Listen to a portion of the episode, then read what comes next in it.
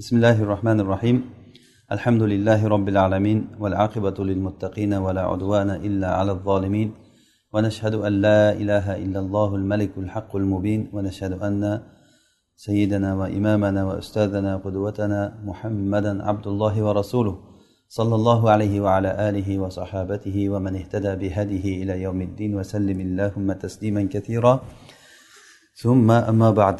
Alloh subhanahu va taolodan madad so'rab biz fiq darsimizni davom ettiramiz. Biz o'tgan darslarimizda kitabu nikohdan nikohni nimaligi va uni nikohni shartlari va rukunlari va kimlar nikohda mahramlar uylansa bo'ladigan va uylansa bo'lmaydigan ayollar haqida gapirdik va oxiri nikohdagi tenglik va valiylar haqida gapirdik. Ya'ni ayol kishiga vali shartmi shart emasmi agar shart bo'layotgan bo'lsa kimlar vali bo'ladi? Va ayol kishini tengi erkak kishi tengi kim bu? Tenglar ya'ni kufular e'tiborga olinadi. Chunki shariatda maqsadlar o'zi erkak bilan ayol turmush qurgandan keyin oilani davomiy yashab ketishligi nazarda tutiladi. Maqsad shu. Shuning uchun ham ularni bir biriga teng bo'lishligi e, maqsadga muvofiq bo'ladi va bu albatta shar'an e'tiborga olinadi. Endi darsimizda musanif rahimulloh aytadilarki va vuqifa nikahul fuduli alal ijaza. Fuduliyni nikohi ijozaga to'xtab turiladi. Ya'ni fuduliy degani kim? Bu hech vakil qilinmasdan birov unga tayinlab bor sen menga xotin olib kel demasdan o'zicha borib bir ayolni birovga nikohlab qo'ygan odam. Mana shu odam fuduliy deyiladi. Bu fuduliyni nimasi? Nikohi e, kimga olib kelgan bo'lsa xotin uni ijozasiga to'xtab turiladi. Agar ijoza berib mayli desa u nikohi nikoh bo'lib ketadi. Demak fuduliy degani kimligini tushundik. Fuduliy degani ya'ni aytmasdan turib o'zicha o'zi ish qilib kelgan odam. Va nikohni ikki tarafini bitta odam boshqarsa bo'ladi. Ya'ni bu degani masalan bir odam bir o'g'lini o'g'liga e, masalan boshqa o'g'lini qizini nikohlab bermoqchi. Ya'ni bir bobo. Ikkalasini ham bir kishi bajaryapti. Aytadiki men o'g'limni o'g'liga e, bu o'g'limni qizini nikohladim deydi bo'ldi. Shu bilan nikoh bitadi. Ya'ni bitta odam nikohni ikki tarafini bajaradi degani ham bu tomondan javob beradi ham bu tomondan javob beradi. Mana shunday qilishligi mumkin. Lekin bu odam fuduliydan boshqa bo'lishi kerak. Ya'ni bu ish topshirilgan asil bo'lishi kerak. Agarda fuduliy bo'layotgan bo'lsa o'zicha o'zi men falonchini falonchiga nikohladim falonchi falonchiga nikohladim o'tirgan joyda gapiraversa bu gapi lag'ov bo'ladi. O'zi aslida buni nimadan farqi? Baydan farqi shuki bayda masalan men falonchini moshinini falonchiga olib berdim sotdim desangiz bay bo'lmaydi. Buni farqi shundaki farqi shundaki bay bilan nikohni farqi nikohda bajaradigan odam nikoh qilayotgan odam xuddiki bir birovni gapini birovga yetkazuvchiga o'xshaydi. U asilda bo'lmaydi. E, shuning uchun ham nikoh qilganda falonchiga nikohladim falonchini falonchiga deb boshqa bilan aytadi. Ammo bayda o'ziga nisbat berib aytadi. Men oldim shuni deydi. Masalan men vakil bo'lsam ham bir kishini vakili bo'lsam borib turib o'sha odam uchun bir narsa sotib olishda borib buni falonchi uchun olyapman desam ham bo'ladi yoki o'zim uchun olyapman desam ham bo'laveradi. Ber shuni menga ber deb. Unga aytishim shart emas. Men falonchini vakiliman olgan narsamni falonchiga olib borib beraman deyishim shart emas. Bu e, ya'ni shart emas. Demak bunda baydan farqi shuki bayda bir odam e, albatta bu asl bo'lib turib turib qiladi. Nikohda bo'layotgan bo'lsa vakil odam xuddiki bir muabbir va safir deyiladi. Safir degani elchi vazifasini o'taydi xolos. O'sha uchun ham elchi vazifasini o'tagandan keyin bir gapini birovni gapini birovga yetkazuvchiga o'xshaydi. Mana bu bilan baydan farq qiladi. Ya'ni muhimi shuki xulosa bir odam nikohni ikki tarafini bajara oladi. Ya'ni nikohni ikki tarafini bajarishligi uchun ikkala taraf ham unga buni topshirgan bo'lishi kerak yoki bir taraf unga aniq topshirgan bo'lishi kerak. Ya'ni ikkala taraf topshirsa bo'ldi bir odam bir ayol aytsaki meni kimga nikohlasang nikohlagin desa bir odam aytsaki menga bir xotin olib bergin kimni olib bersang olib ber men roziman. desa keyin bo'ldi o'sha ayolni men falon erkakka nikohladim desa nikoh bo'lib qoladi. Ana bu bilan nikoh bog'lanadi. Allohu alam. Hop keyin musanif rahimaulloh mahr va uni hukmlari haqida gapiradilar. Aytdilarki aqallul mahri ashratu darohim mahrni eng kami o'n dirham. Mahrni eng kami o'n dirham. Fatajibul asharatu in sammadunaha. Agarda undan kamini aytayotgan bo'lsa u o'n vojib bo'ladi. Ya'ni o'zi aslida o'n mahrni eng kami o'n dirham bu ixtilofli masala bu. Mahr shariatda belgilab berilinganmi yo'qmi degan masala e, ixtilofli masala. Buni asosan ya'ni eng sahihroq dalilimiz biz dalilimiz qiyos bu. Qiyoslaganda nimaga? O'g'rini qo'lini kesishga qiyoslangan.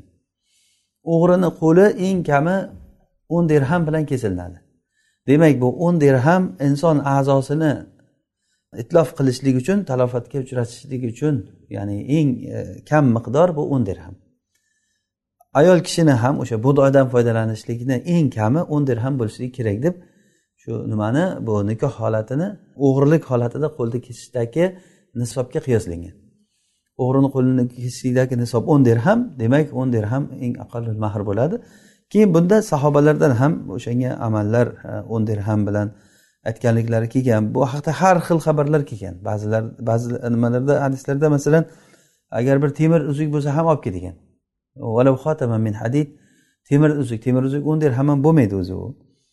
Ya'ni bir temirdan bo'lgandan keyin arzimas bir narsa bo'ladi o'shanday bir narsa bo'lsa ham mahrga bergin E, yoki boshqa bir hadisda e, o'sha hadisni davomida ham keladi seni qur'ondan nimani bilasan deganda men falon falon suralarni bilaman. Bo'ldi o'sha suralarni sen menga o'rgatib qo'ygan o'sha bilan men seni nikohladim degan joylar bo'lgan rasulullohni. E, muhimi bu narsalarga aytiladiki bular o'zi aslida mahrni oldindan berilishligi nimadir berilishligi ayol kishiga bu ayolni ko'nglini xotirjam qilishlik uchun xursand qilish uchun. Nikohga mani kirib kelayotgan odam nimadir qila oladi. Xotinga masalan nafaqa bera oladi.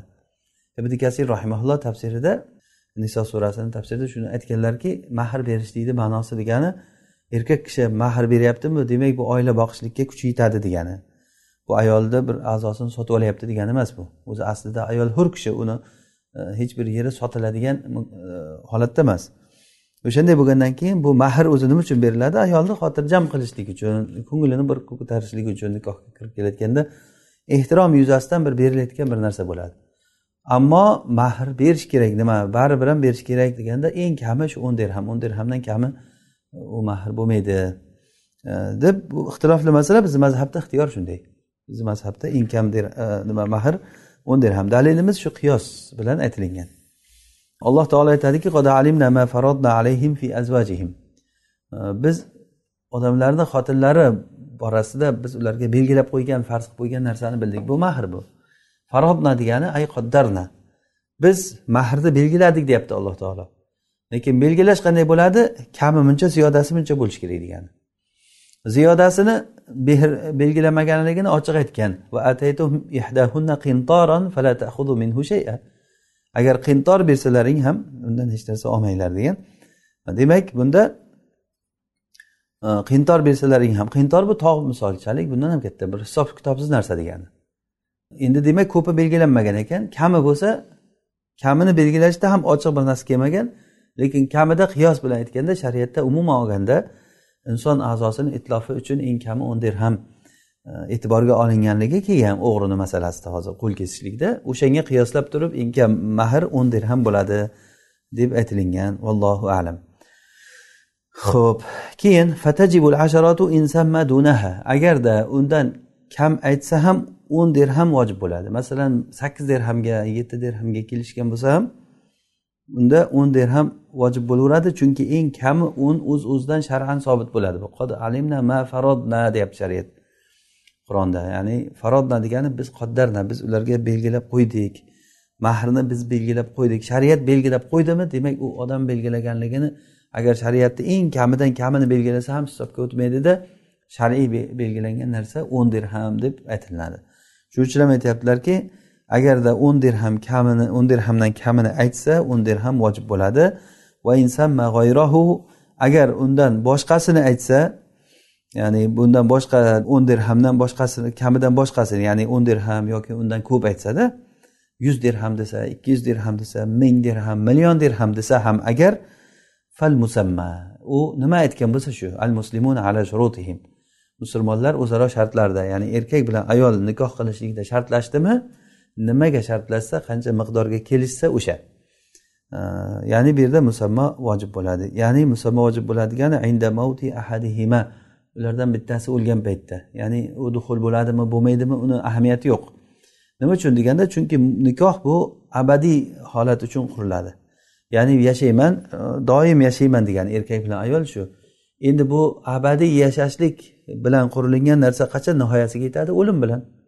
O'lim bo'ldi degani demak abadiy yashash tugadi endi degani. Bu dunyoniki bitta. Demak o'shanday bo'lgandan keyin bu o'lim bilan ya'ni nikoh nihoyasiga yetadi.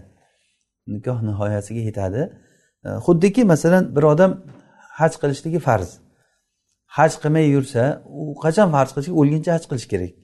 Endi qachon uni haj qilmaganligini bilamiz. Uni umri tugaganligi o'lishi bilan. O'lgandan keyin davom ha bu haj qilmadi deb bilamiz. Nikoh ham o'lim bilan komil bo'ladi deganimiz shu. O'lim bilan nihoyasiga yetadi nikoh. Ya'ni bo'ldi eng anosi shu ekan degani. Demak u nihoyasiga yetdi bo'lgandan keyin nimani aytgan bo'lsa musammo degani mahril musammo o'sha kelishuvda nikoh aqdida nima deyilgan bo'lsalar shu ikki tarafdan aytilingan narsalar. Agar undan boshqasini aytsa musammo beriladi inda mavti ahadihima. Tushundik a buni. Av inda xilvatin sohat yoki xilvat sahiha bo'lgan paytda. Ya'ni o'zi asli ayollarni nikohlar nikoh mahrlarida e, holatlari har xil bo'ladi. Masalan mahrni o'n dirhamdan kam aytishlik bor. Buni aytdik. Agar kam aytsa ham o'n dirham sobit bo'lib qoladi. Yoki o'n dirhamdan ko'p bir narsani muayyan aytishlik bor. Agar aytsa shu aytilgan narsa bo'ladi qachon? Yo o'lgan paytda yoki xilvat sahiha bo'lgan paytda. Xilvat sahihadan ham kuchlisi duxul. Ya'ni erkak kishi ayol kishiga duxul qilsa ya'ni jimo qilsa to'shakda yotsa mana shu bilan sobit bo'ladi. O'shandan keyin taloq qilsa yo o'lsa ham taloq qilsa ya'ni o'sha aytilingan narsani hammasini berish kerak. Masalan bir odam xotiniga o'n ming dirham e, mahrni va'da qildi. o'n ming dirhamni va'da qilib turib turmush boshlagandan keyin agarda duxul qilib turib keyin taloq qilsa o'sha o'n ming dirhamni berish kerak. Ammo duxul qilmasdan taloq qilsa duxul qilmasdan taloq qilsa bu aytilingan narsani yarmini beradi. Masalan o'n ming kelishdi kelishdi bir kun ham yashamadida xotini oldi nikohladi hali birga bo'lmasdan turib taloq qilib yubordi. Ana o'shanday bo'lsa u yarmini beradi besh mingni berish kerak xotinga mahrga. Bu shariatni buyrug'i bu oyatlar bilan sobit bo'lgan. Yoki o'sha inda xilvatin sohat degani xilvat sahiha bo'lgan paytda xilvat sahiha degani ya'ni ayol kishi bilan erkak kishi pardalarni tushirib ya'ni ikkovini bir biriga er xotinchilik qilishlikdan man qilayotgan hech narsa bo'lmasdan xoli qolishi degani. Xilvat sahiha degani shu. Xilvat sahiha ya'ni erkak bilan ayol shunday bir holatda qolishligiki ularni bir biriga er xotin bo'lishligidan man qilayotgan narsa yo'q. Man qilayotgan narsa yo'q. Mana shu xilvat sahiha bo'ladi. O'zi aslida e, mahrni aytmasdan ham nikoh qilsa nikoh sahiy bo'laveradi. Lekin mahr berish kerak. Agar aytilinmay xotinga uylangan bo'lsa mahr aytmagan bo'lsa agar duxul qilgan bo'lsa bu yerda hozir mahri misl beriladi uni aytamiz. Mahri misl nimaligini. Umar roziyallohu anhudan shu haqida xabar kelgan ekanki bir ayolga bir erkak kishi uylangan. Agar shunday bo'lsa u agarda aytdilarki agar pardalar tushirilsa va nima ya'ni xoli qolsa degani o'shanda mahr vojib bo'ladi. Rasululloh sollallohu alayhi vasallam aytgan ekanlarki man kashafa himara imraatihi aw nazara ilayha vajaba sadaq dakhala biha va lam yadkhul. Kim kim qutni va bayhaqiy rivoyat qilgan hadisda kim agar ayolini ximorini ochsa ya'ni ro'molini tushirsa boshidan ya'ni kiyimini yechsa degani va unga qarasa unga mahr vojib bo'ladi unga duxul qiladimi qilmaydimi farqi yo'q. Ya'ni bu mahr masalasida bu. Mahr masalasida xuddi shunday. Bu vahiya ya'ni xilvat sahiha degani alla yujada maniun vat'in maniu vat'in hissan av shar'an av toban bu yerda hozir vatiyni ya'ni vatiy degani er xotinchilik qilish qovushishlik. O'sha qo'shilishdan man qilayotgan narsani bo'lmasligi. U man qilayotgan narsa hissan hissiy man qiluvchi yoki shar'iy man qiluvchi yoki tabiatan insonni tabiat jihatdan man qilayotgan narsalar. Misollari kamarodin yamnauhu masalan kasallik uni man qilsa bu hissiy man qilishlik ya'ni erkak kishi kasal bo'lishi mumkin yoki ayol kishi shuncha kasal bo'lsaki u erkak kishi unga qo'shiladigan bo'lsa erkakni o'ziga zarar bo'ladigan darajada kasal bo'lsa. Ya'ni bu ham ya'ni qo'shilib bo'lmaydi degan holatda bo'ladi. Va yana bir misol savmiy ramazon ramazonni ro'zasi. Bu shar'iy man qiluvchi. Ya'ni ramazon ro'zasida erkak ro'za yoki ayol ro'za mana bunda ro'za holatda qo'shilib bo'lmaganligi uchun bu man qiluvchi narsa bor deyilinadi va solati farzin farz namozi. Ya'ni erkak bilan ayol xoli qoldi bitta uyda farz namozini o'qish muddati o'tdi. Ya'ni ikkovsi ham namoz o'qidi bu ham namoz o'qidi bu ham namoz o'qidi namoz bitgandan keyin odamlar kirib qoldi ustiga. Bu xilvat sahiha bo'lmadi bu yerda. Chunki namoz farz namozi u namozni buzishlik harom undan keyin o'sha holatda erkak bilan ayol bir biriga qo'shilaman desa qo'shila olardi deb hech kim aytmaydi endi. Va ehrom holatida bo'lsa erkak ehromda yoki ayol ehromda bo'lsa ham hajgami umragami? Chunki biz oldinda kitabul hajda o'qib o'rgandikki ehrom holati ya'ni erkak ayolni bir biriga qo'shilishligidan man qiladi. Bir biriga qo'shilishdan man qiladi. Va haydin va nifasin va hayz va nifos holati bo'lsa hayz va nifos holati. Bu hissiy man qiluvchi narsa. Agarda ayolda hayz holati bo'layotgan bo'lsa bu ham ya'ni xilvat sahiha bo'lishligini man qildi deyiladi. Va jinnilik va hushdan ketish ham man qiladi deyilgan. Ya'ni ba'zilar xilvatdan e, masalan majnunlik va hushdan ketishlik e, bu man qiladi. Ya'ni bu degani nima degani? Masalan e, bir erkak bilan ayol o'tiribdi yonlarida bitta jinni bor. U jinniku u deb turib bir biriga qo'shilaveradimi yo odam hayo qiladimi? Mana o'tiribdi bu yerda deb. Hattoki ba'zan ba'zilar nimani aytgan haligi? Itni ham man qiluvchi degan. Ya'ni masalan erkak bilan ayol o'tirgan bo'lsa bir it qarab o'tirgan bo'lsa o'sha itni ko'zini oldida ham masalan e, erkak ayol bir biriga qo'shilishligidan uyaladi odam. O'sha ham bir man qiluvchi bo'ladi. Deb ba'zilar yo'q uni man qilmaydi bu narsa. Xuddiki mana joriyasiga o'xshab joriya man qilmaydi. Ya'ni bir ayol erkak bilan o'tirsa uni erkakni joriyasi bor. O'sha joriyasidan ya'ni uyalmasdan masalan xotiniga er xotinchilik qilishligi mumkin deb. Endi bu allohu alam bu narsalar urfga tashlangan. Ya'ni bu har kim har xil gaplarda aytgan mana man qiladi man qilmaydi. Yoki uxlab yotgan odam man qiluvchi bo'ladi masalan er xotin bir yerda o'tiribdi oldida bittasi uxlab yotibdi o'shalar o'sha o'tirishlikda agar er xotinchilik qilaman desa qila oladigan vaqti o'tsa. Xilvat sahiha bo'ldimi yo'qmi? O'shanda ba'zilar bo'ldi deydi. Uxlab chunki uxlayapti u xalaqit bermaydi u desa uyg'onib qolishligi mumkin baribir. Uyg'onib qolishlik xatari bor. O'sha uchun uyaladi odam. Bir odam masalan mayda uxlab o'tirgan bo'lsa yo bir odam hushidan ketib yotgan bo'lsa o'ziga kelib qolishi mumkin deb qo'rqadi baribir ham. O'sha uchun ya'ni bu narsa xilvat sahiha bo'ldi bo'lmadi e, deb aytishlik aytmaslik bu narsa allohu alam buni yechimi urf. Urf bo'yicha aytishimiz mumkinki shu odam shu erkak bilan ayol bir yerda bir holi qolgan agarda bir er xotinchilik qilaman desa qiladigan fursat bo'lgan. Qilaman desa shu fursati bo'lgan. Demak shu fursat bo'ldimi? Tamom xilvat sahiha bo'ldi deb aytilinadi. Keyin yana bir gap. Zahira kitobida aytgan ekan bizni ashoblarimiz aytishganki xilvat sahiha ya'ni musammoni hammasini ta'kidli bo'lishligida vatiyni o'rniga qo'yildi. Ya'ni musammo degani mahrda nechi pul aytilgan bo'lsa masalan o'n ming dirham aytildimi?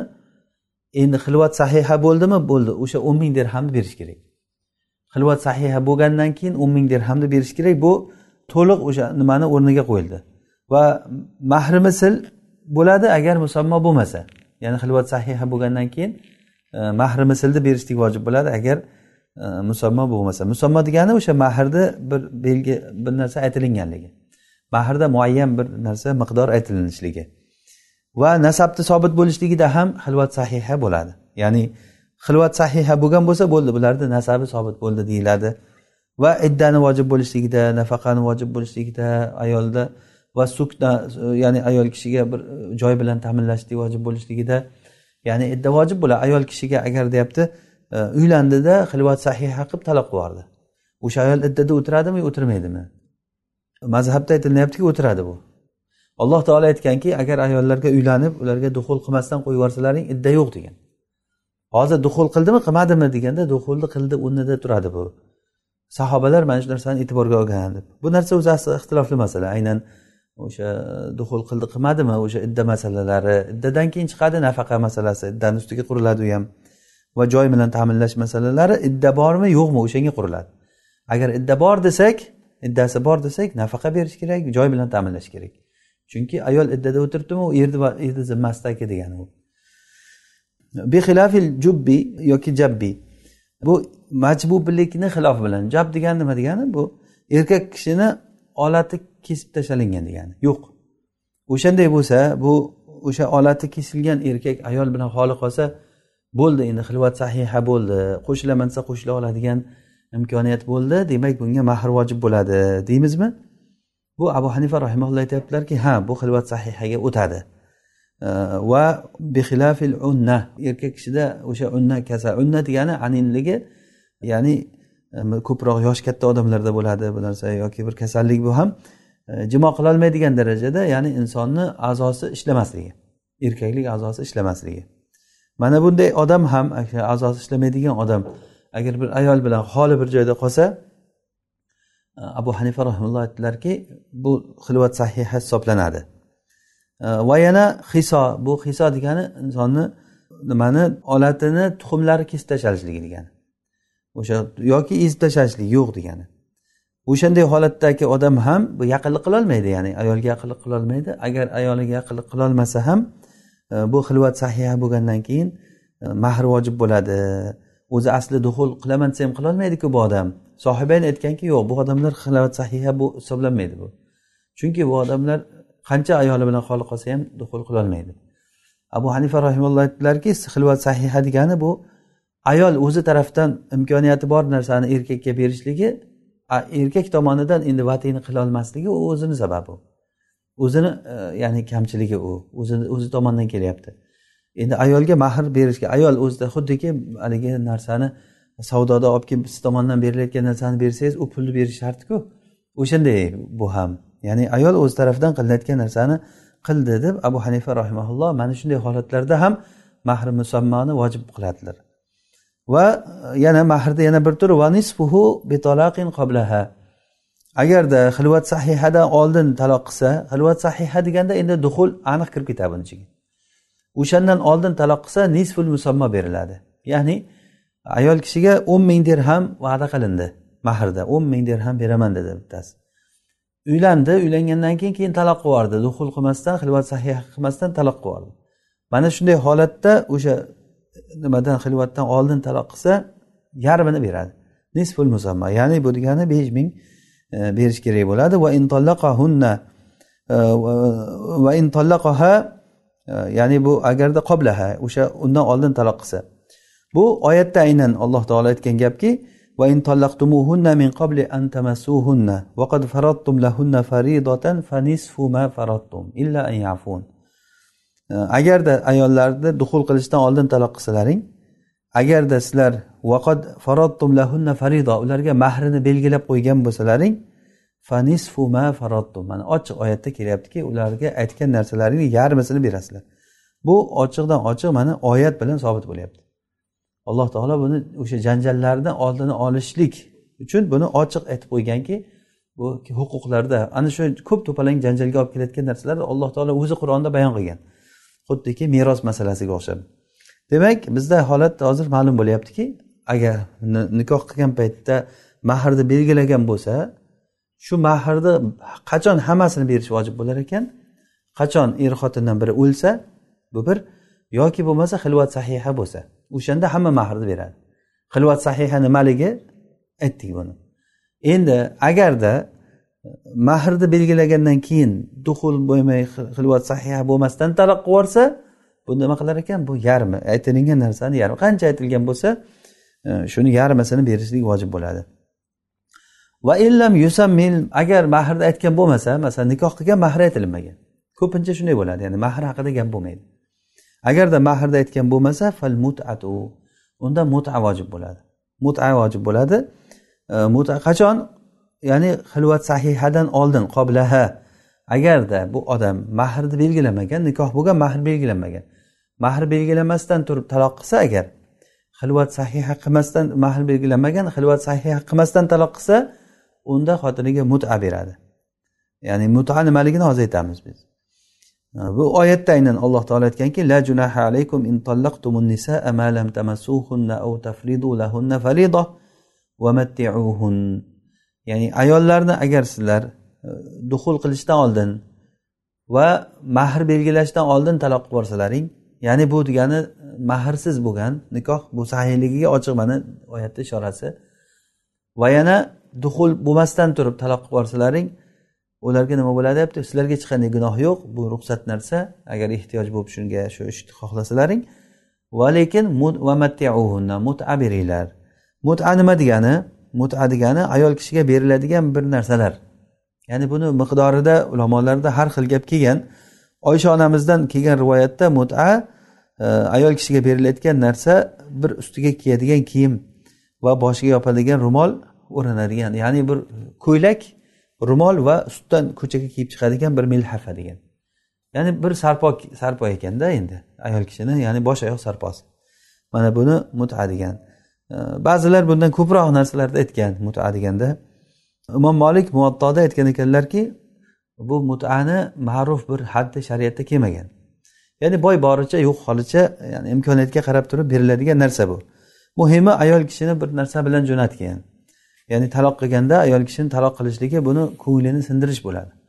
Ko'nglini sindirgandan keyin unga bir xotirini bir e, joyiga keltirishlik uchun e, bir narsa berish degani. Bu urfga qarab ya'ni odamni o'zi moddiy imkoniyatiga qarab joyiga qarab farq qiladi bu narsa. Ya'ni ba'zi joylarda e, masalan ikkita to'rtta beshta non berib chiqarib yuborsa u nonni hech kim masalan to'qchilik joylarida bir, bir narsa deb o'ylamaydi. Bir narsa berdi deb aytmaydi masalan. Aytaylik bir e, o'nta nonni tuyib tuyunchoq qo'liga berib yuborsa talog'ini berib. Ya'ni muta berdi desa o'nta non berdim desa uni hech kim e'tiborga olmaydi ba'zi paytlarda bitta non kulcha uchun qizini berib yuborgan paytlar bo'lgan ocharchilik paytida. Ya'ni aytganki qornin to'qlasang bo'ldi shu seniki degan paytlar bo'lgan. Buni e, yoshi katta kishilarimiz yaxshi biladi. E, demak bu holatiga qarab farq qiladi. Muta degan narsa holat to'qchilik va iqtisodiy qancha kengchilik va torchilikka qarab farq qiladi. Ba'zi bir joylarda kiyim juda katta gap bo'ladi. Oldinlari kiyim juda muammo bo'lgan rasulullohni sahobalar davrida kiyimlar muammo bo'lganda o'sha uchun kiyim deb aytyaptilar oysha onamiz bu yerda. Kiyim degan narsa bu kiyimi bo'lmagan hatto chiqishga. Hayit o'qishga chiqaman desa ayollarni bir e, nimasi kiyimi bo'lmay almashib chiqqan ko'chaga. Bittasi chiqqanda bittasi uyda o'tirib turgan ana shu bitta kiyimni oilada nechta ayol bo'lsa ba'zan o'sha almashib kiygan. E, endi hozirgi paytda bu kiyimlar e, hamma joy axlatxonalardan ham kiyim topsa bo'ladida hamma har yoqqa o'tib yuborgan. E, ya'ni o'sha uchun holatiga qarab belgilanadi degani bu. Shu gap yaxshi gap ya'ni. Muta degani ayol kishiga taloq qilgandan keyin nimadir berish degani. Ko'ngli sinib qolmasligi uchun nimadir berish. Mahr aytilmagan bo'lsa albatta. Mahr aytilgan bo'lsa demak uni ikkita holati bor. Agar duxul qilib yoki xilvat sahiha qilgan bo'lsa u hamma aytilgan narsani beradi. Agar uni aytmagan bo'lsa yarmini beradi. Agarda tushunarli agar mahr belgilangan bo'lmasa buni holati ikki xil bo'ladi. Mahr belgilanmagan. Agar xilvat sahiha bo'lgan bo'lsa mahr belgilamagan bo'lsa unda mahri misl beradi. Mahri misl. Agarda xilvat sahihadan oldin bo'lsa bunda muta beradi. Mutani nimaligini aytdik mana. Va mahrul misl badaha. Mana hozir shunga keldik o'zi. Va agarda xilvat sahihadan keyin agar e, taloq borsa bu mahr misl beradi. Xilvat sahihadan keyin. Chunki bu yerda e, ya'ni xilvat sahiyadan keyin bo'lgandan keyin mana shu xilvat sahiya o'zi asli vatiyni o'rnida turdida. Ya'ni vati degan ayol kishiga aqlli qilishlik degani. Bu ibn masud roziyallohu anhudan xuddi shu fatvo kelgan. Bir ayol bir erkakka turmush qilgan mahri aytilmagan mahri aytilmagan va u erkak duxul qilib taloq qilib yuborgan. Nima beriladi? Shunda aytdilarki men bunda o'zimni ishtihodim bilan aytaman to'g'ri qilsam bu ollohdan va noto'g'ri qilsam bu mendan va shaytondan bo'ladi. Bunda o'sha ayolni mahri misli beriladi. Mahri misl degani ayol kishini shu ayolga o'xshagan shuni qarindoshlari shu ayolga o'xshagan ayol agar mahr aytsa nechi pul aytishi mumkin edi? Bu joyiga qarab farq qiladi odamiga qarab farq qiladi. Bu ham e, masalan millatiga qarab odamiga qarab bu juda katta mahri misl farq qiladi. E, ya'ni urf odatlardan kelib chiqib ham bu narsa farqlanadi. Shunda la vaksa va la shatot dedilar. Ya'ni kam ham emas e, nuqsoni ham yo'q ziyodasi ham yo'q ya'ni mahri misl beriladi dedilar. Xuddi shundan keyin e, ya'ni u kishiga xabar keldiki ya'ni maqil ibn sinan al ashjaiy degan odam turib aytdilarki rasululloh barva binti vashiq e, ya'ni bizni mahallamizdan edi u ayol. Barvaq binti vashiq degan ayolga xuddi sen aytgan gapni hukmidan hukm qilgandilar rasululloh. Deb ibn masudga aytdilar. Ibn masud keyin xursand bo'lib ketdilar. Ya'ni ibn masudni qilgan fatvosi rasululloh sollallohu alayhi vasallam qilgan ishiga to'g'ri kelyapti. Demak bu mana shu mahri misl degan narsa shu. Mahri misl degani hozir yana bir bu yoqda kelsa kerak bizga mahri misl degani nimani tushuntiramiz nikahu bila zikri mahrin. Demak nikoh sahih bo'ladi mahrni aytmasdan turib ham. Mana oyatda o'zi biz aytdikki alaykum in ma lam tamassuhunna aw tafridu lahunna farida ayollarni agar duxul qilmasdan turib yoki ularga mahr belgilamasdan turib taloq qilsalaring ziyoni yo'q deyapti. Demak mahr belgilamasdan degani demak ular nikoh qilgan paytda mahr belgilanmagan. Bu nikoh e, sahiy bo'ladi ya'ni mahrsiz nikoh sahiy bo'ladi. Nikoh sahih lekin mahr berish kerak. Nikohi sahih lekin mahr berish kerak. Buni bilishimiz kerak. Mahr vojib bo'ladi berishlik ayolni haqqi u. Nimaga kelishgan bo'lsa o'shani beradida. Uni qanday berishligini hozir aytdik yana agar duxul qilgan qilmagan belgilagan belgilanmaganligini farqi bor ekan holatiga qarab aytilinadi. Va bishayin g'oyri mali mutaqavvim va moli mutaqavvim bo'lmagan narsa bilan ham ya'ni nikoh sahiy bo'laveradi. Moli mutaqavvim emas narsa degani umuman uni narxi moliyatligi yo'q narsa. Masalan musulmon kishiga nisbatan o'limtik. Masalan bitta molni o'ligi turibdi. O'sha molni o'ligini beraman deb turib nikoh qilgan bo'lsa bu yerda mahrsiz bo'ldi degani bu. Lekin o'shanday holatda mahri mislga qaytilinadi. Ya'ni moli mutaqavvim bo'lmaydi yoki masalan bir yashik aroq beraman degan. Aroq ham musulmon kishiga nisbatan mol emas. Yoki masalan qon beraman degan qon. Bir paqir mol qonidan beraman degan masalan. U qonni hech qanday musulmon kishiga nisbatan bir moliyati yo'q. U najas narsa. Bu narsalar ya'ni moli mutaqavvim emas bo'lgan narsa bo'lgandan keyin go'yoki mahr aytilinmadi deganida. Mahr musammo bo'lmadi degani. Va bi majhuli jinsihi. Va jinsi majhul narsa bilan ham bo'ladi. Ma, jinsi majhul bo'lgan narsa masalan aytganki men senga nikohlanaman evaziga bitta hayvon beraman degan. Hayvon degani endi bir e, masalan bir burgani olsangiz ham hayvon. U ham tirik jonzotda bitta chigirtkani olsa ham u ham hayvon. Endi bir tuyani olsa ham hayvon. U ayol aytadi hayvon beraman deganding menga bitta tuya berasan deydi. Katta tuya berasan deydi. U aytadiki bitta pashsha ham hayvon yoki bir chigirtka ham hayvon masalan. Yoki bitta qo'zichoq beraman deyishi mumkin. U ham hayvon janjal bo'ladi. O'shanday bo'lgandan keyin tamom bu aytilmadi hisob bo'lib qoladida mahri misl bo'ladi bunda ana shunday holatlarda vayajibu mahrul misl kamamarra mahri misl beriladi bunday holatda. Ya'ni bu xuddiki mahr aytilinmagandek bo'ladi bunchalik darajadagi jaholat jaholat degani bilib bo'lmaslik noaniqlik bu janjalga olib keladi. Shariatda qanday muomala bo'lsin agar urush janjalga olib kelsa o'shani o'rni oldi yopilingan. Uni eshigi to'sib qo'yilgan bo'ladi. Yoki bo'lmasa av sifatihi sifati aytilinmagan bo'lishi mumkin. Ya'ni majhul sifatihi. Xuddiki yuqorida majhul jinsihi bo'ldiku. Endi bu sifati noaniq bo'lsa sifati noaniqligi masalan aytganki men senga uylanaman evaziga bitta ot beraman degan. Jinsini aytgan. Jinsini aytmasa bir hayvon beraman desa ot ham kiradi eshak ham kiradi unga qo'y ham mol ham tuya ham kiradi hamma narsa bo'lib ketadi. Unda janjal bo'ladi. Ammo bitta ot beraman degan bo'lsa bunda janjal bo'ladi bunda ham lekin kamroq bo'ladi janjal. Endi ot bo'lgandan keyin bir biridan juda katta farq qilmaydi ot. Katta farq qilmaydi o'sha uchun bu narsalarda agarda uni sifatini noaniq qilgan bo'lsa unda falvasot o'rtachasi vojib bo'ladi. Ya'ni kam emas ziyada emas ya'ni siqam kuymaydigan kavob ham kuymaydigan deb qo'yadiku o'zimizda. Uyog'i ham buyog'i ham emas o'rtasini olib turib o'sha o'rtacha beriladi. Au qiymatuhu yoki uni qiymati beriladi. O'sha o'rtachani qiymati. Masalan o'rtacha ot nechi pul turadi bozorda? O'rtacha tuya masalan tuya beraman degan bo'lsa nechi pul turadi? Bir ho'kiz beraman degan bo'lsa o'rtacha ho'kiz masalan nechi yosh? Ikki uch yosh to'rt yoshlik ho'kiz masalan o'rtacha. O'sha o'rtacha bir ho'kiz beriladi degani bu. Yoki uni qiymati beriladi. Nechi pul berilsa nechi pul bozorda tursa o'shani qiymati beriladi. Agar qaysisini bo'lsa ham xotinga olib kelsa er uni qiymatini olib keladimi o'rtachasini olib keladimi? Men buni olmayman bor yo'qot menga boshqa narsa olib kel deyishga haqqi yo'q.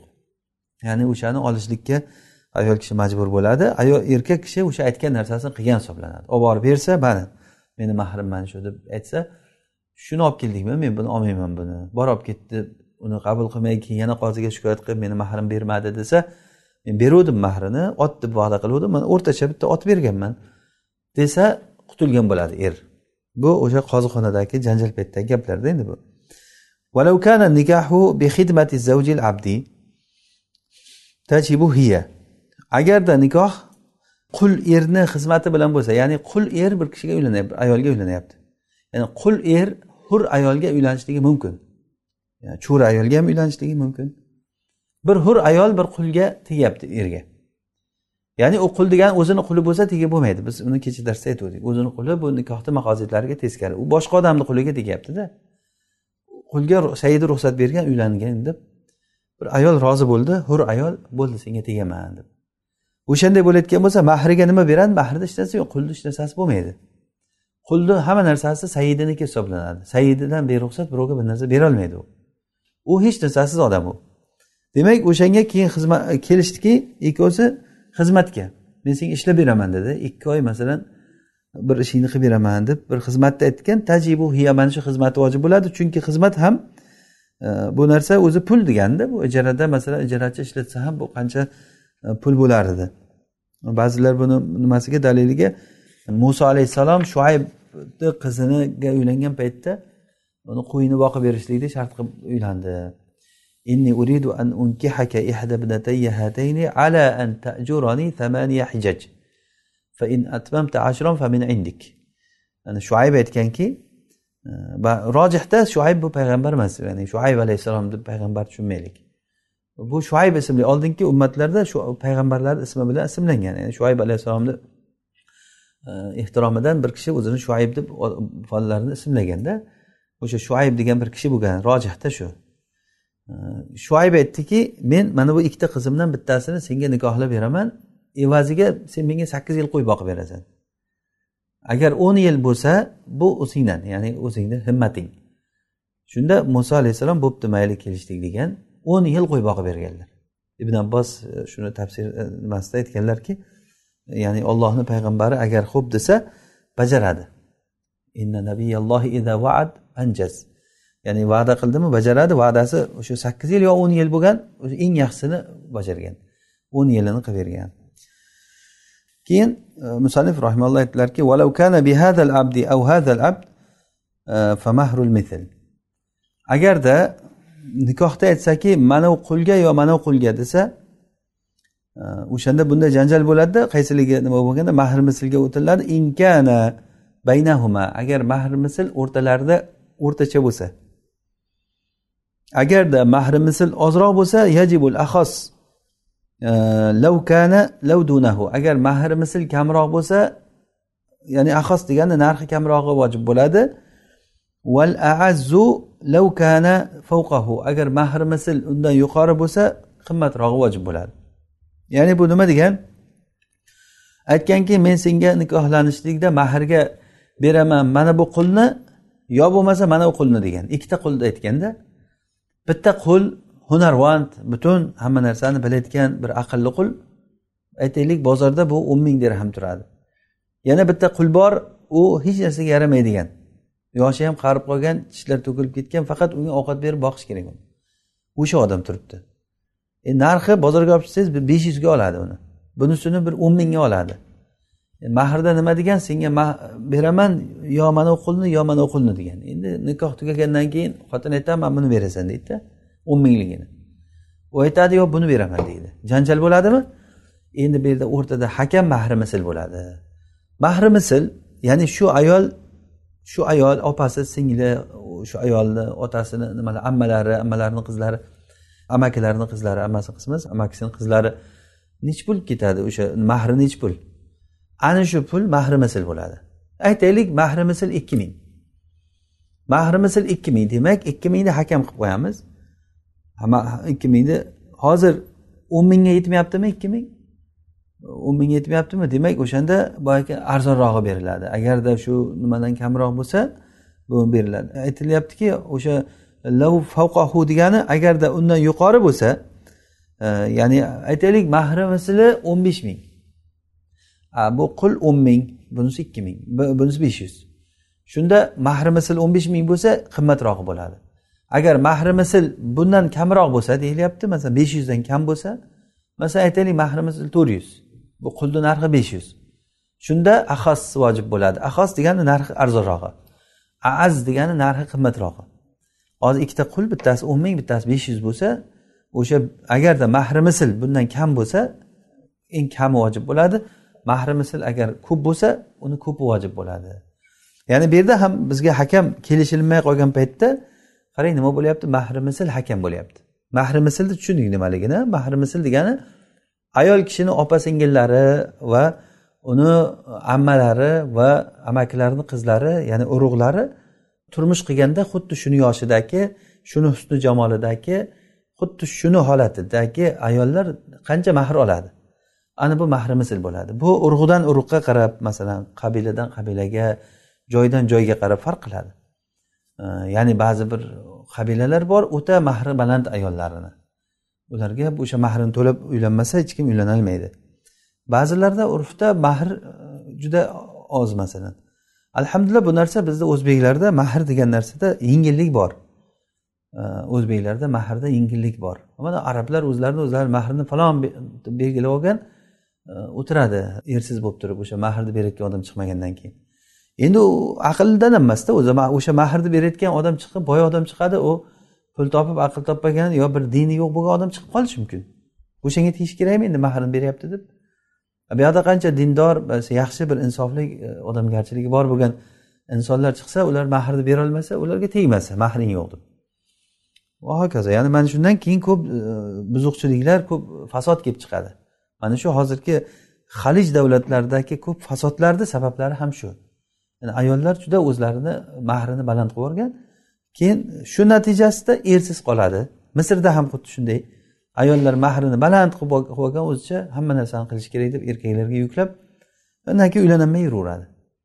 Ayollar ham eri yo'q o'ttiziga kirib ketgan o'ttiz beshga kirib ketganda kelin bo'ladi keyin. Bizda bu narsalar yengil alhamdulillah. Mana shu urfimiz yaxshi bir e, ya'ni nimaki mahrda bir yengilliklar bor. Albatta mana shu narsani ushlab qolishga harakat qilish kerak. Ko'p ham o'zini mahrini ko'tarib e, jamiyatda bunday fasodni sababchisi bo'lib qolmaslik kerak odam. Agarda vati qilishdan oldin taloq qilib yuborsa haligi eng kamini ahos degani arzonini yarmini beradi. Ya'ni hozir ikkita narsani aytgandan keyin agar taloq qilib yuborsa o'sha eng kamini yarmini beradi. Chunki anig'i shu. Anig'ini yarmini beradi.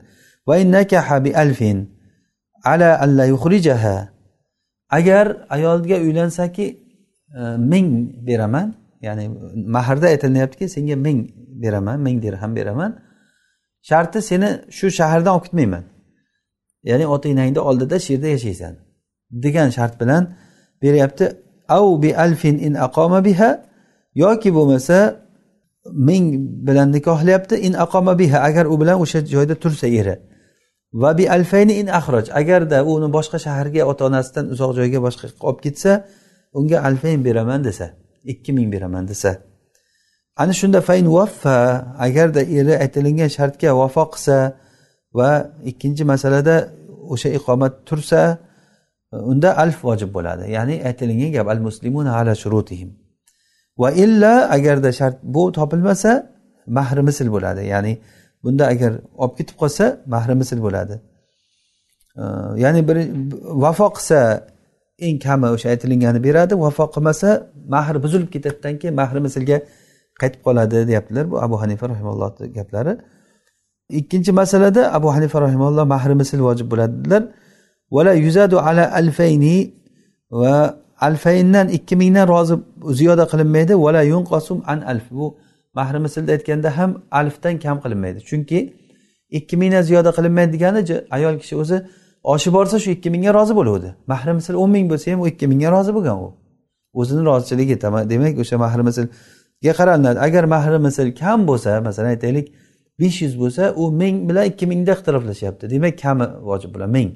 Chunki o'zi asli alifga er rozi bo'lgan. Demak mana shunday holatlarda nima mahri misl bilan e, qilinadigan abu hanifa rahimaullohni gaplari. Ammo sohibaynda bo'lsa ikkala shart ham joiz degan. Al muslimun ala shurutihim. Vallohu alam shu sohibaynni gapi ya'ni e, voqega bizni hozirgi voqeamizga ma'qulroq. Nimaga deganda chunki musulmonlar shartlashdim aytdi aytdi agar sen shu yerda yashasang ming beraman. Agar mabodo olib ketib qolsam shartim ikki ming beraman degan. Ayol rozi bo'lgan shunga. Bunda hech qanday bir kelishmovchilikka sabab bo'layotgan joyi yo'q. Chunki o'zi boshidan bosh bilib kiryaptiki ikkita narsadan bitta holatda tanlab kiryapti. Agarda shu joyda tursa ming beradi agar olib ketib qolsa boshqa shaharda yashasa bunga ikki ming beraman deb va'dasi bor. E, o'shanga rozi bo'lib ayol kishi kirgan. E, Rasululloh sollallohu alayhi vasallam aytganlarki eng sizlarni vafo qilishlikka haqli bo'lgan shartlaring ayollarni farjini u bilan halol qilgan shartlaring degan. Ya'ni nikoh paytida nima deb ayolga va'da bergan bo'lsa ustingga xotin olmayman deb va'da bergan masalan yoki seni bir joydan bir joyga olib ketmayman deb va'da bergan. O'sha shartga vafo qilish kerak bo'ladi. Agar vafo qilmasa er kishi masalan aytdiki e, seni ustingga xotin olmayman deb shartlashdidan keyin keyin uylanib bo'lib ishi bitgandan keyin keyin xotin olmoqchi bo'lib qoldi. O'shanday bo'layotgan bo'lsa bunda nima qiladi? Xotinda haqqi bor nikohni buzishga. Ya'ni ikkinchi xotin nikohsini emas o'zini nikohsini. Bo'ldi shart topilmadimi? Men men chidamayman men buzaman deyishga haqqi bor. Xohlasa nikohsini buzsin xohlasa yo'q ha mayli endi nomardlik qilding lekin deb yashab ketaveradi. Menimcha shu ikkinchi varianti yaxshiroq.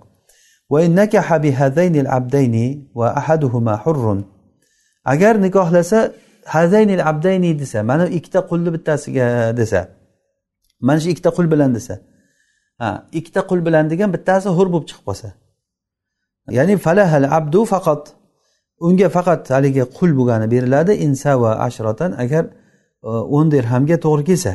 Ya'ni albatta endi qul o'n dirhamdan kam bo'lmasa kerak hech qaysi e, paytda ham.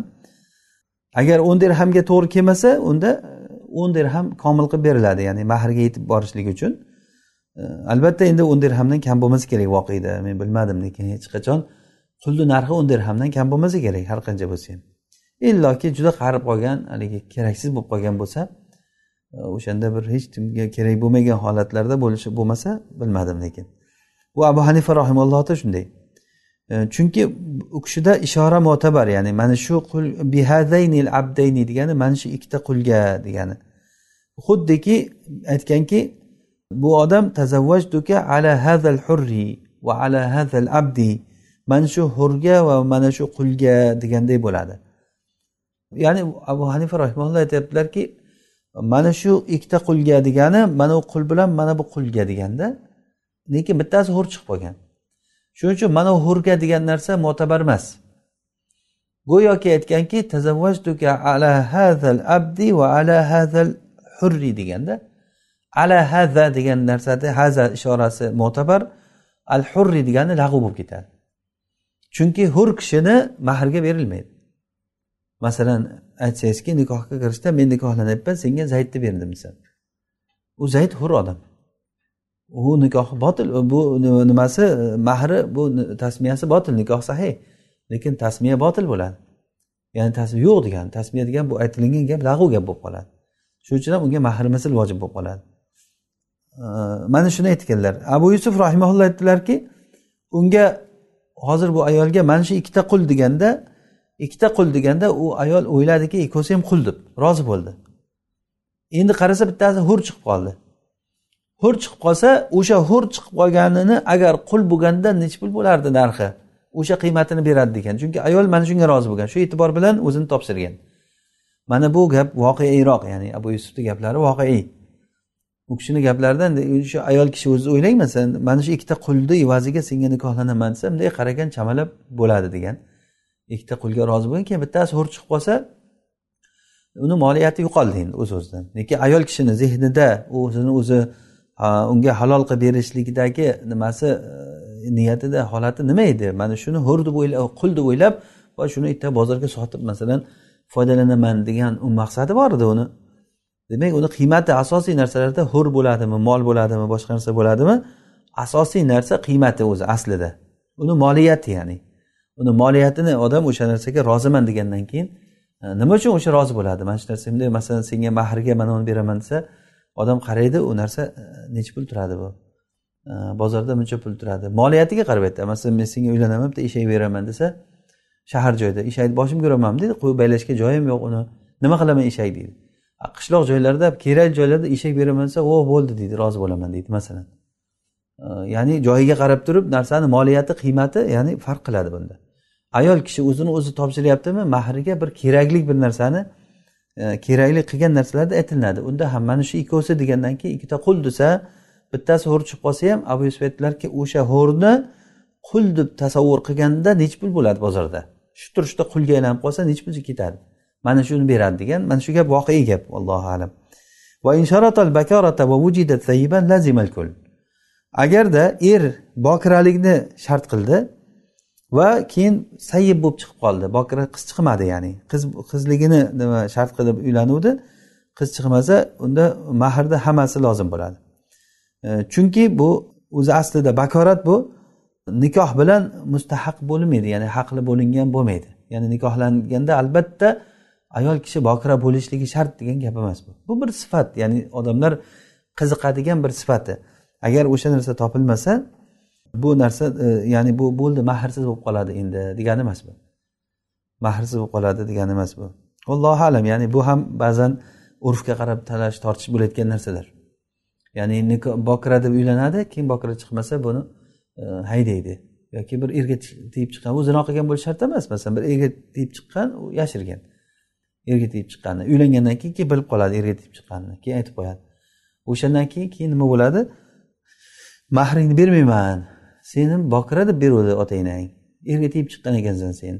Desa bu odam unga qadoan aytilyaptiki lazibalkul yo'q mahrni nechi pul bergan bo'lsang o'shani berasan. Chunki bu bokiralik deyilyapti nikoh bilan haqli bo'lindi. Ya'ni bu degani nikohlangandan keyin asosiy narsa bu bokiralik degani emas bu. U bir vasf bu. O'sha vasf qiziqilingan bir vasf edi u yo'q bo'lib chiqib qoldi peshonasidan endi bu degani. Fosil fosid nikohda nikoh fosid bo'layotgan bo'lsa agar nikoh fosid qanday bo'ladi? Masalan opa singilga bitta nikohda uylangan. Masalan mana shu ikkita ayolga bitta aqd bilan uylangan keyin opa singil chiqib qolgan.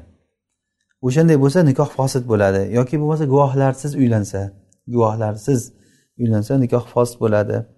Va yoki bo'lmasa opasini bir iddasida singlisiga uylansa opasini taloq qilgan hali iddasi tugamay singlisiga uylansa. Yoki bo'lmasa boshqa bir odamni iddasida turgan ayolga uylansa bu nikoh fosil degani. Va to'rtinchini iddasida beshga uylanib qo'ysa masalan. To'rtta xotini bor odam bittasini taloq qilsa iddada turgan paytida beshinchisiga uylansa va hurni ustiga cho'riga uylansa biz kecha darsimizda aytgandik hur ayolda ustiga cho'riga uylanib bo'lmaydi deb e, hadisda kelgan bu. Illam yato la yajibu shayun agarda vati qilmasa hech narsa vojib bo'lmaydi. Ya'ni go'yoki bu nikoh yo'qdek hisoblanadida. Go'yoki bu nikoh uh, yo'qdek hisoblanadi. Agar vati qilib qo'ysa vati degani er xotinchilik bo'lib qo'ysa agar qo'shilib qo'ygan bo'lsa yathbutun nasabu bunda nima bo'ladi? Nasab sobit bo'ladi. Qachondan boshlab? Min vaqt min vaqtil vati vati qilish vaqtidan boshlab nasab sobit bo'ladi. Qachon o'sha vati qilgan bo'lsa o'sha paytdan boshlab vati sobit bo'ladi va mahri misl vojib bo'ladi. Mahri misl vojib bo'ladi. U musammodan ziyoda bo'lmagan holda. La yuzadu alal musamma. Musammodan ziyoda bo'lmagan holda. Ya'ni bu nima degani? Mahri masalan musammo degani tushundik hozir aytilingan aqdda aytilingan narsa. Buni musammo deb ketaveramiz buni tushunib olaylik yodlab olaylik. Istilohlarda chunki tolib ilmda men bir foyda uchun aytaman tolib ilm agar istilohlarni bilmasa u ilmi o'smaydi uni. Tolib ilm ulamolarni istilohlarni bilmasa tushunmaydi ham ilmga. O'sha uchun ham istilohlar bilish kerak xuddiki tib nimasida jomiyasiga kirgan odam tibbiy istilohlarni bilmasa hamma narsani unga tarjima qilib berish kerak bo'lsa bu odam ya'ni o'zi o'limini davom ettirolmaydi istilohlarni bilgandan keyin bo'ldi masalan gripp desa gripp kasali nima desa bo'ldi uni gripp kasali u bu bu deb sharhlab yotish kerak emas birdan tushunib ketaverish kerak. Masalan gepatit deydi bo'ldi gepatit nimaligini bilib ketaveradi odam. O'shanday bir haligi istilohlar bor istilohlarni bilgandan keyin o'shani ketaveradi. Musammo degan tarjima qilsak ham bo'laveradi. Tarjima qilmay musammo desak endi bundan keyin tushunaylikki mahri musammo nima? Aqd paytida aytilingan mahr degani. Aqd paytida aytilingan kelishilingan narsa. Mana shu kelishilingan narsada mahri mislida bo'ladi. La yuzadu alal musamma. Kelishilingan narsani ziyoda qilinmaydi. Masalan mahri musammosi mahri misli e, o'n ming dirham musammo besh ming dirham. Demak mahri misl beraman deb turganda musammoga qarasa musammo besh ming. Undan oshirilmaydi. Bo'ldi besh ming beriladi. Agarda mahri mislimiz besh ming musammomiz o'n ming. Musammomiz o'n ming bo'lsa o'shanday paytda ana endi e, mahri misl beriladi degan mahri misl unda besh ming beradi. E, agarda bu samandan ziyoda bo'lib ketsa ham ya'ni bu degani o'sha mahri mislda o'sha oshib ketsa ham.